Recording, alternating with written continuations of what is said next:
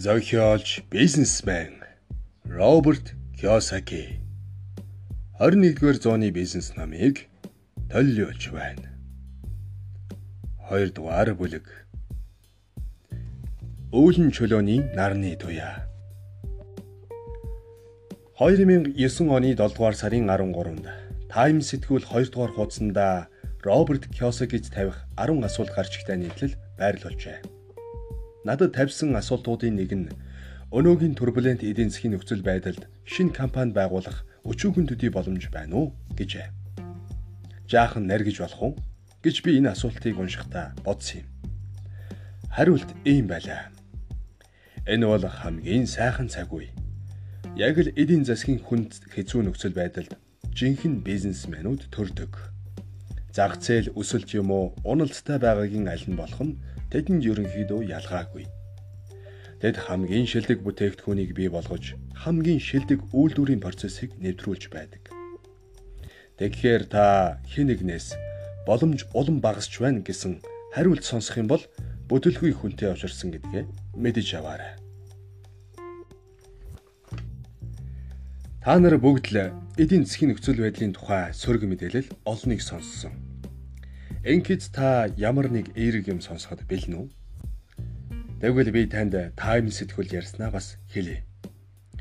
Рецесс бол хувийн бизнесийг үүсгэх хамгийн таатай цаг хугацаа.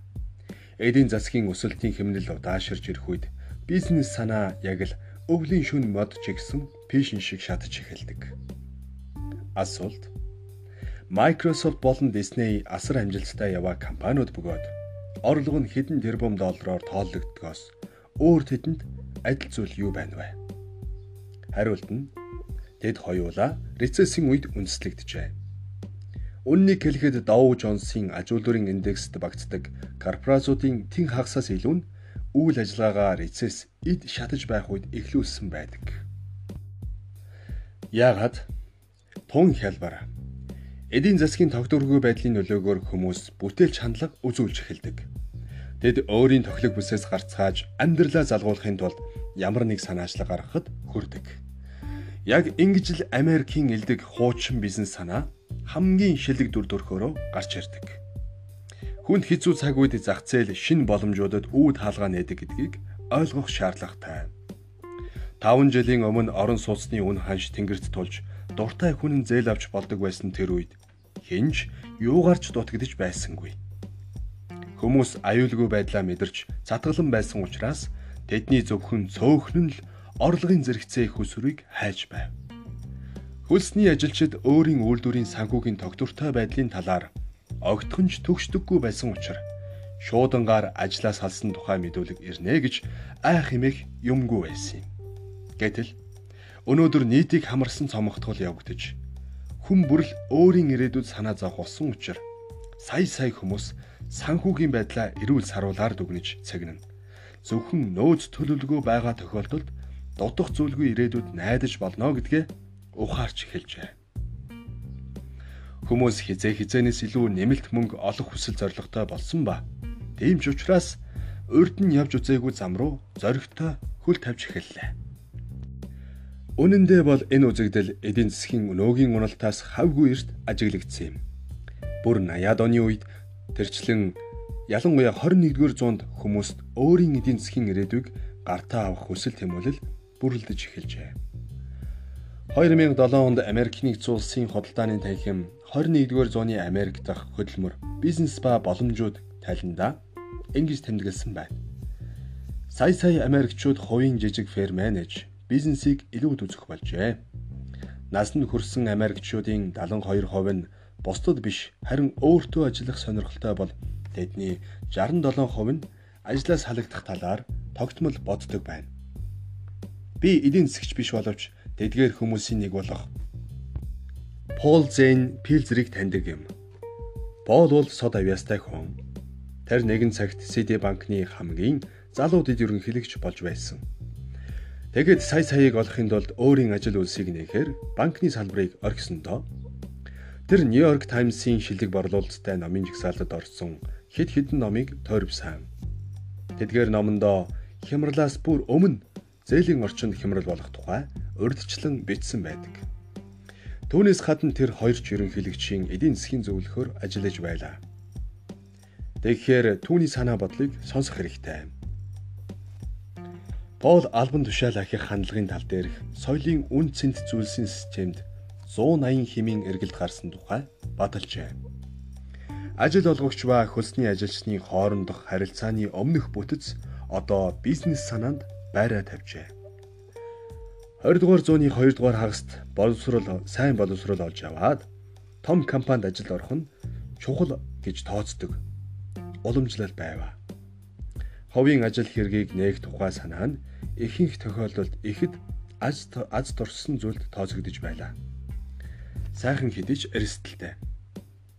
Баг зэрэг галзуудуу гэх үү дээ.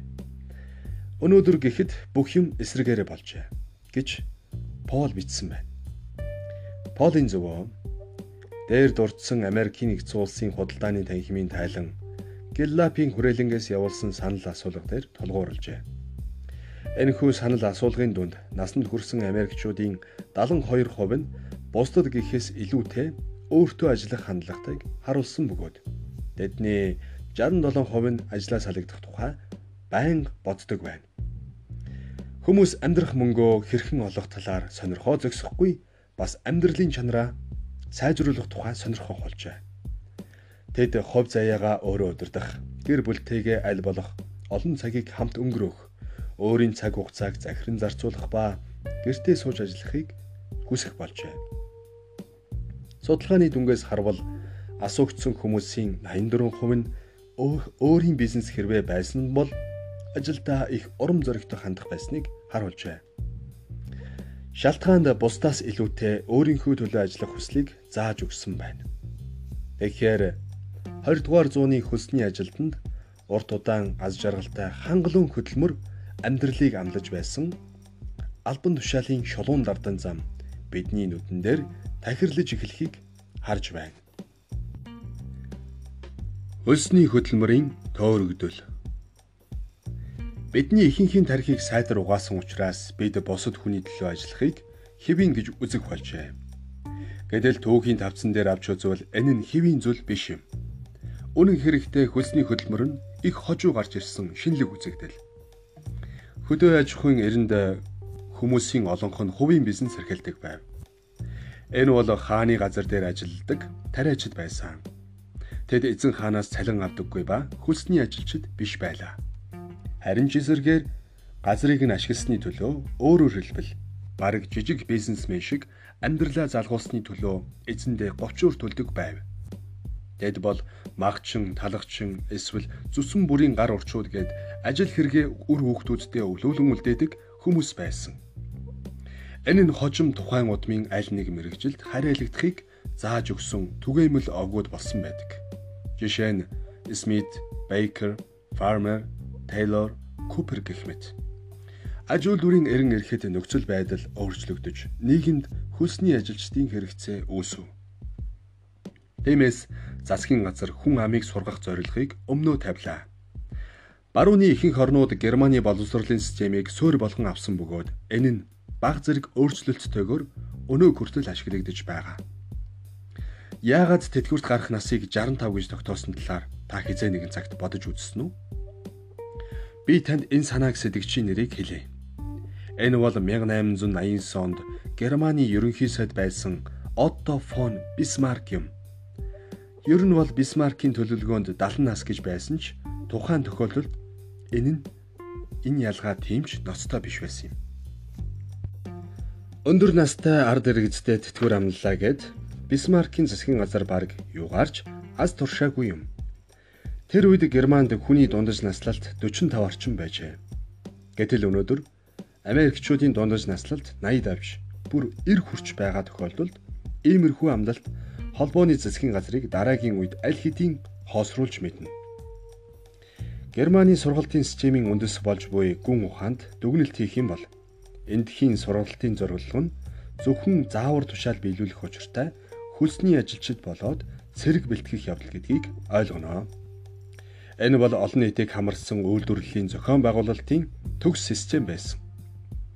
60 70-ад оны үед Америкийн зарим компаниуд түүний дотор IBM, нэг ажил олгогчид насаараа баталгаатай ажиллахыг урьдчилан харсан ажил олголтын алтан стандартыг тогтоож байжээ.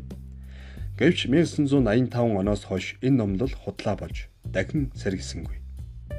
GM ямар байна? Америк орн тийм л байна. Хагас 100 жил өнгөрлөө. GM-ийн ажил хэрэг ч сайнгүй байна. Тэгвэл энэ нь Америк ирээдүгөө болж байгаа гэсэн үг үү? Үгүй ээ. 40 жилээр тооцсон тэтгэврийн хоримтлалын төлөвлөгөө ба ажлын найдвартай байдлын тухай төөрөгдлөл ирээдүгий болж байгаа хэрэг.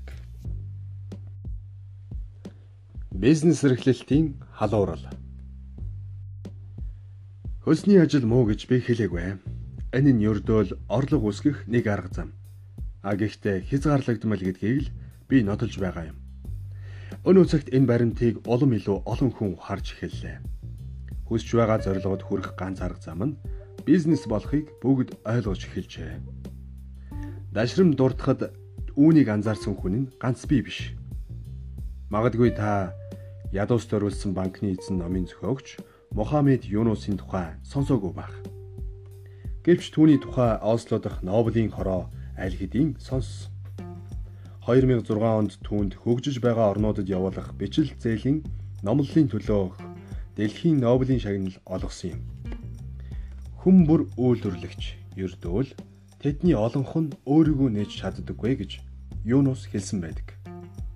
Тэр энэ тухай 2007-оос 2008 оны эдийн засгийн хямрал эхлэхээс өмнө ярьж байжээ.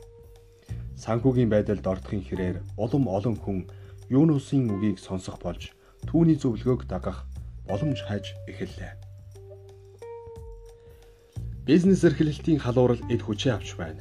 Учир нь эдийн засгийн өсөлтийн хурд саарч бизнес эзэмшигчдийн идвэх өсч байна.